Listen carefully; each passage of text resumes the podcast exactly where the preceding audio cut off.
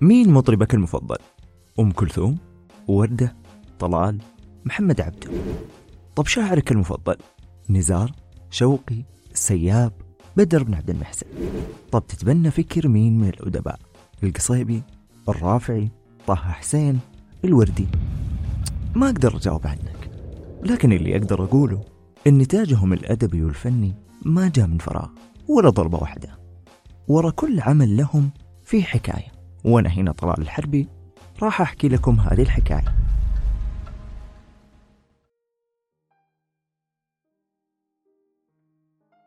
لولا تشجيعها ما كان السطر الأول في هذا الكتاب امتنانا عميقا وحبا أعمق إلى زوجتي.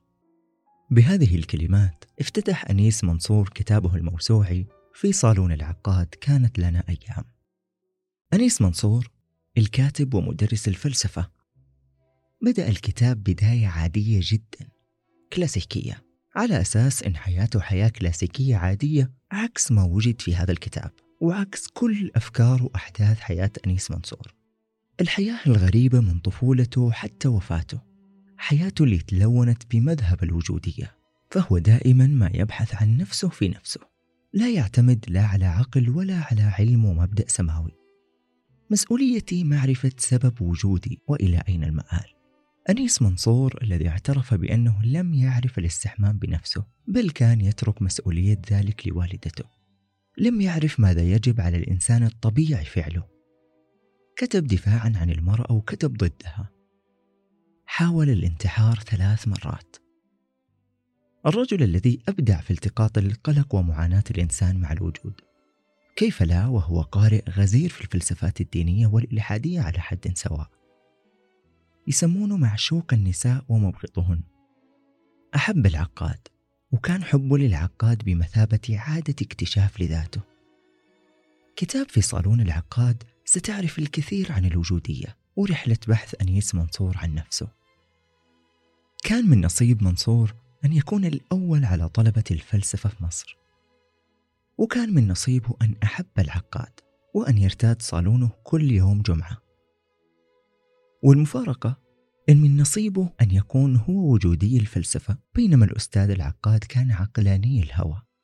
كان يتردد على بيت العقاد في مصر الجديدة في البيت رقم 13 يذكر أنيس منصور أن العقاد عكس كل الناس يتفائل بالرقم 13 يتفائل بالبومة ويتفائل حتى بالشاعر ابن الرومي. وابن الرومي لمن لا يعلم هو صاحب لعنة. فكل من كتب عن ابن الرومي قد صابته لعنة بشكل أو بآخر. يقال أن الشاعر المازني كسرت ساقه بمجرد أن كتب عن ديوان ابن الرومي. وأحد معاصري الشاعر قطعت عنقه لترديد أبيات الرومي باستمرار. حتى أن الدكتور حسين نصار أوقفوا أصدقائه عن تحقيق ديوان ابن الرومي خوفا عليه. شخصيا لا أصدق هذه اللعنة وأشك إنها حركة دعائية اصطنعها جمهور ابن الرومي. حملة دعائية سلبية تعطي الشاعر وشعره هالة من الغموض. تعمل على ترويج اسمه في مجتمع الشعراء وحتى العامة. رغم أن ابن الرومي لا يحتاج دعايات إلا أنها نجحت معي على الأقل. فديوان ابن الرومي في مكتبتي والكتابة عنه أصبحت من المحظورات عندي. كلام أنيس منصور عن ابن الرومي وفكرة التشاؤم والتفاؤل في حياة العقاد لها مدلولات لدي. أن المذهب العقلاني كان سمة للعقاد فلا تشاؤم ولا تفاؤل بل واقع أمام عيني وعينك. عقل يمنطق كل شيء وهذا ما لا يحبه كثيرا أنيس منصور فهو المشتغل بالفلسفة وخاصة الوجودية التي يصفها العقاد بأنها هراء. لاحظ معي كيف وصف العقاد كل الفلسفات المريضة بحسب وصفه كالشيوعية النازية الوجودية. فالشيوعية جعلت الإنسان حذاء للمجتمع والنازية جعلت الإنسان حذاء للحزب. والوجودية جعلت الكون كله حذاء للإنسان. وهذا كلام خطير ودقيق. فالشيوعية تقدس المجتمع وتلغي حرية الأفراد. بالتالي انتهى المجتمع حرياتنا الفردية. النازية قدست الحزب وجعلت الجميع تحت قدميه. أما الوجودية فلغت الحواس وقوانين الكون وكل شيء واعترفت بوجود الإنسان. الكل يعيش ليكتشف ما الحياة وما الوجود. كل إنسان له تجربته الشخصية اللي يفهم منها سر الوجود والحياة. بالتالي انتعل الإنسان حذاء الكون كله. كلام قوي هاجم فيه العقاد عقيدة أنيس منصور. والغريب أن أنيس منصور ما اعترض. كان مجرد حضور صالون العقاد نعمة يجب احترامها. يقول أنيس منصور عن تطرفه في حبه للعقاد كنت لا أنتبه لسلالم درج بيته ولا لوجوه جيرانه. لا أرى شيء سوى مكان جلوسه استعدادا للقاء. كان رأسي مثل راديو صغير مضبوط على موجة واحدة. لا يتحرك مؤشر رأسي إلا على محطة واحدة العقاد. كان صوت بث العقاد في رأس منصور يبدأ بعبارة أهلا يا مولانا هكذا كان يحيي العقاد ضيوفه. البعض يعتقد إنها تعالي من العقاد لكي لا يقول لأحد يا أستاذ أو يا دكتور. وبحسب رأي منصور فإن العقاد كان يستاهل أن يتعالى على البشر فهو صاحب ثقافة موسوعية. كان التاريخ، السياسة، الأدب، الفلسفة والنكتة كلها كأصابع بيانو يلعب عليها في نفس الوقت. ملاحظين توصيف هذا الأنيس كيف بديع؟ العلوم والفنون كانت أصابع بيانو تضرب بتناغم عالي. وصف بديع. وهي صفة ملازمة لإنتاج أنيس منصور. لاحظوا كيف كان يصف مشية العقاد. يقول منصور كان العقاد يسرع في الخطى. يمشي منحنيا إلى الأمام. أو بالأصح كل جسمه للأمام. وهو برأسه كأنه يجر بقية أعضائه وصف لا يعلى عليه يخليك تشوف العقاد عبارة عن دماغ عقل. هذا العقل هو اللي يحرك باقي الجسد. تركيز أنيس منصور على هذا الوصف مو اعتباط بل كأنه يقول أن العقاد كان متطرف في عقلانيته. أنيس منصور نفسه كان متطرف في مراقبة تحركات العقاد وفكره كأنه عدسة زوم مركزة في مكون واحد في الصورة. المكون هذا هو العقاد وما حوله كان تغبيشة هامشية غير مهمة. الأنيس ما كان بس مركز على شكل وكلام العقاد بل حتى على طريقة الحوار معه. يقول منصور إننا ما كنا نتجرأ عليه بالكلام أمامه في تخصصاتنا. في الفلسفة الرجل كان على قدر عظيم من المعرفة الفلسفية ولو اعتقدنا بأننا اقتربنا منه معرفيا فهو سيبعد خطوات فلكية. يعرف كيف يبتعد ويعرف كيف يخلينا نرى الفارق الشاسع بيننا وبينه وكأنه يأدبنا عشان ما نتطاول عليه أو نحاول نأكد ذاتنا في حضرته. ببساطة هو يعرف كيف سينتصر. هو يعرف أنه سينتصر في كل منافسة معه. قلت له والكلام لأنيس منصور يا أستاذ إنني أقرأ هذه الأيام في كتب الفيلسوف الألماني هايدكر.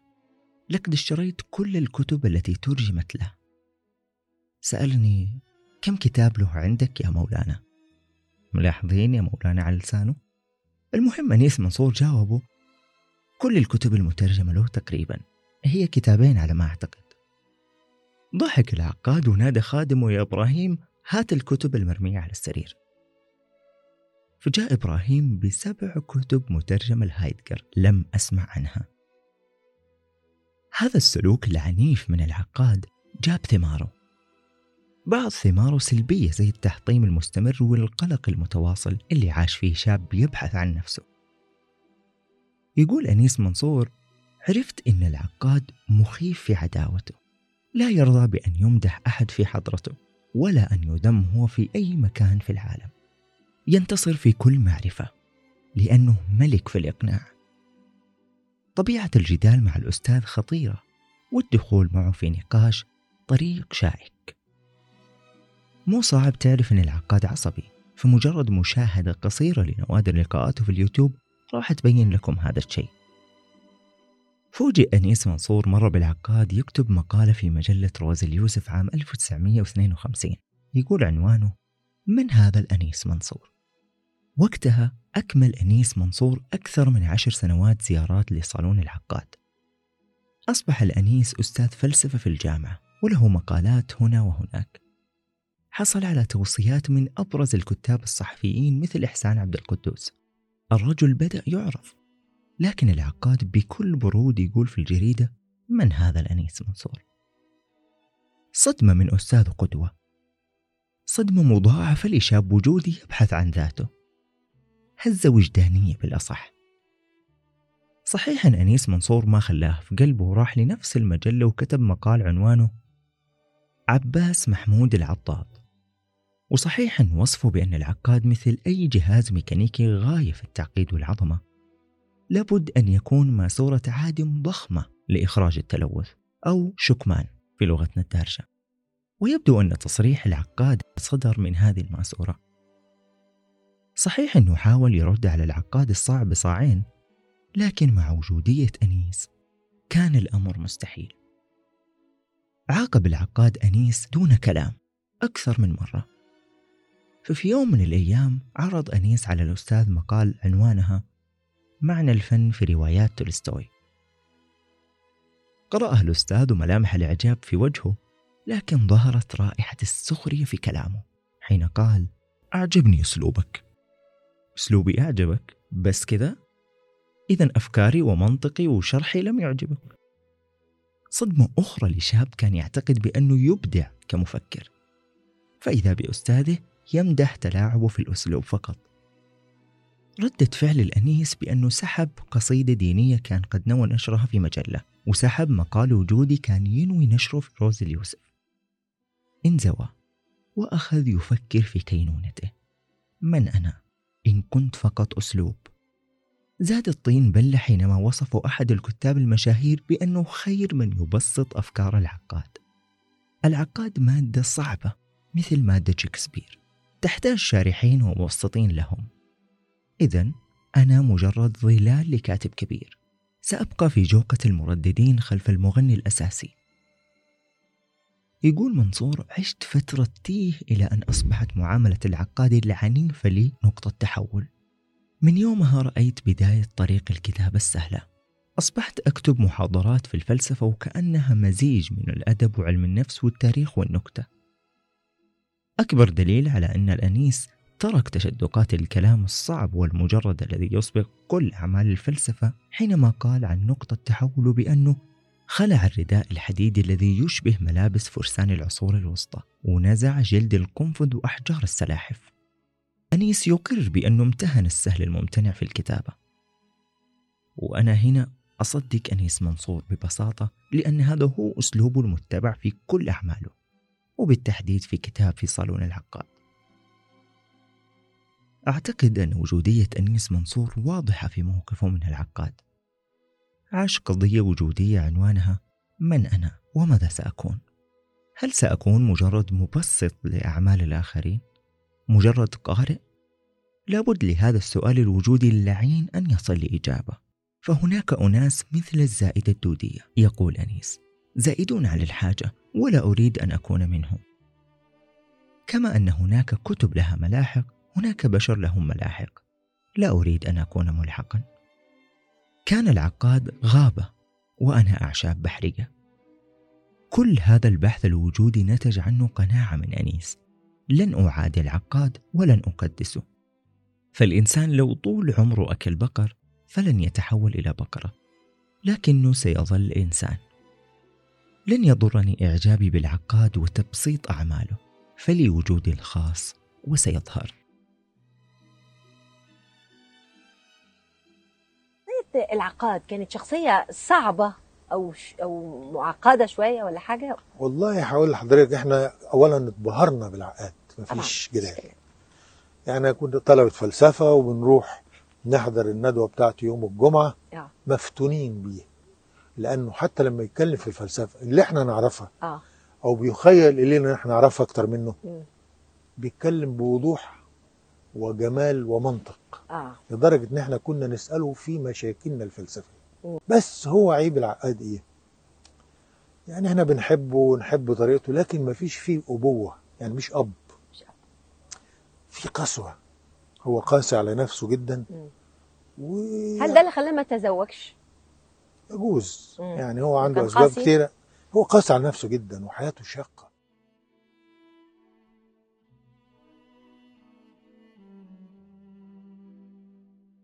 نختم هذا الموضوع ونقول ببساطة وجودية أنيس منصور تظهر منذ طفولته.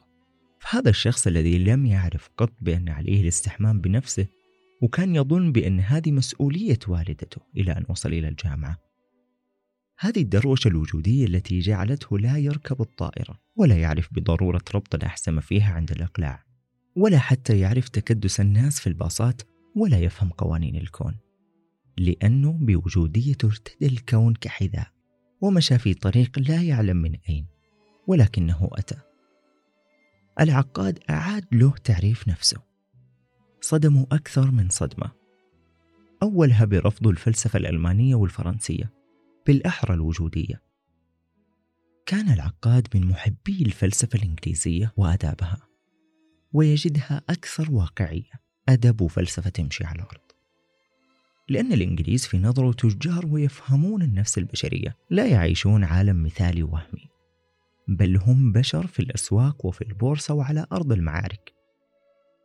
لذلك كان يوصي أنيس دائما بالأدب الإنجليزي ويصفه بأنه أسلم أدب. أعاد العقاد بوصلة الوجود عند الأنيس وهذا قد يكون سبب امتنان التلميذ لأستاذه إلى آخر يوم. هذه زاوية بسيطة لشخصيتين مختلفتين. حولوا الفنون والعلوم والآداب إلى أصابع بيانو. تعزف بتناغم لا زال يمتعنا إلى اليوم. هذه كانت الحكاية. من إعداد أنس بن حسين. ألتقيكم على خير وفي أمان الله.